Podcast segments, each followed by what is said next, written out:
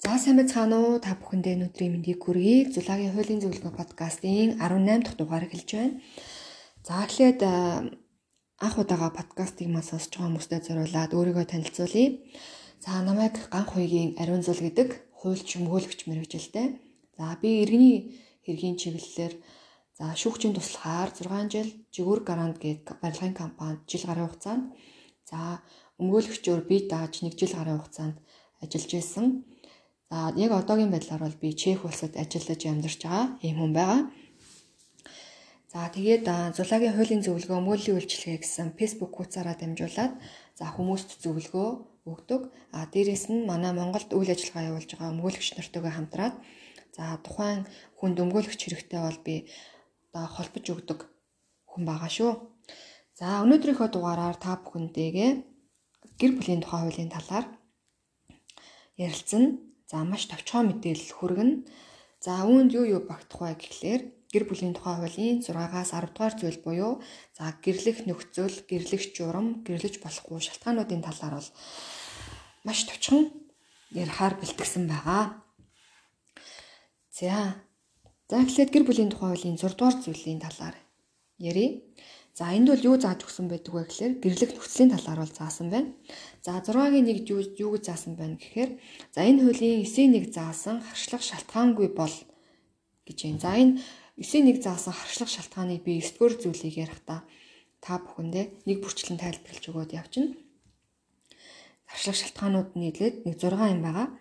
За ийм 6 харшлах шалтгаангүй байх юм бол за Монгол улсын Монгол улсын иргэн иргэн буюу за 18 наснд хүрсэн Монгол улсын иргэн эрэгтэй эмэгтэй хоёр буюу Монгол улсын иргэн нь гадаадын иргэн гариалгийн үнэтэй харилцан зөвшөөрлснөөр Монгол улсад гэрлэж болно гэж заасан байна. За За дараагийн зүйл залтанд бол юу заасан байдаг вэ гэхээр за эрэгтэй хүн нэг ихнэр эмэгтэй хүн нэг нөхөртэй байна гэж хуульчилсан байдаг. За Гэр бүлийн тухай хуулийн 7 дугаар зүйлд бол гэрлэх журмын талаар заасан байна. За гэрлэхийг хүсэгчд нь гэрлэлтээ гэрчийн этгээдийг байлцуулан улсын бүртгэлийн байгууллага хөлийн чандад ажиллаж байгаа Монгол улсын дипломат төлөөлөгчийн газарт бол бүртгүүлдэг. За За бүртгүүлэхдээ өөртөө оршин суугаа газрын эмнэлгийн байгууллагаас эрүүл мэндийн тодорхойлолтыг бол авдаг байгаа. За одоо гэрлэхэд харшлах шалтгаан буюу түрүүний хэлээдсэн 6 зүйлээ ярив. За нэгдүгээрт бол өмнөх гэрлэлт хүчинтэй байгаа бол гэрлэж болохгүй байх нь. Хоёрдугаарт гэрлэгчд хоёулаа эсвэл хэн нэг нь одоо 18 наснд хүрээгүй бол гэрлэж болохгүй байх нь. За хэрвээ насанд хүрээгүй ч гэсэн одоо шүүхээс эргэцэн бүрэн чадамжтай гээд а шүүхээс зарласан тохиолдолд бол 18 наснд хүрээгүй хүрээгүй ч гэсэн одоо гэрлэхийг үл зөвшөөрнө гэж бас хуулинд зааж өгсөн байна. За 3 дугаарт бол төрөл садангийн хүмүүс хоорондоо гэрэлж болохгүй. 4 дугаарт гаргалзан дэмжигч дэмжүүлэгч хоёр бол гэрэлж болохгүй. 5 дугаарт үрчлэгч үрчлүүлэгч хоёр бол гэрлэж болохгүй. 6 дугаарт гэрлэгчдийн хэн нэг нь эсвэл хоёулаа удамшиг хандлагатай сэтгцийн архаг өвчтэй бол бас гэрлэж болохгүй байх нэ. За одоо гэрлэгчдийн эрх үүргийн талаар ярилцъя. За гэрлэгчд нь гэр бүлийн дотор тэгш эрх эдэлж адилхан үүргийг хүлээх ёстой байдаг.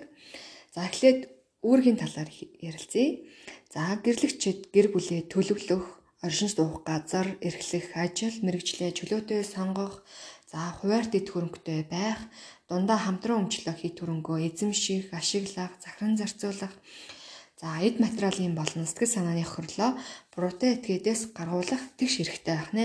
За энэ дэр а хуваарь дэд хөрөнгө гэсэн зүйл гараад ирж байна. Тэгэхээр хуваарь дэд хөрөнгө гэдэг бол за нөгөө та хүнтэй гэрэлсэн ч гэсэн одоо хүмүүс ч хүнтэй гэрэлж гэрээ ингээл тухайн эхнэр болон нөхөртөөгөө одоо энэ эд хөрөнгийг одоо хамтран эзэмшнийг ойлгоод байдаг. Тэгэхээр яг зарим тохиолдолд хүмүүс гэрэлтийн гэрээ гэж байгуулад за энэ бол миний хуваарь дүрхөн дүрэн гэж юм уу те гэж тус тусад нь бас эд хөрөнгөө өөрсдийнхөө хуваарь дэд хөрөнгийг бас ялгаж заагалж бас болдог.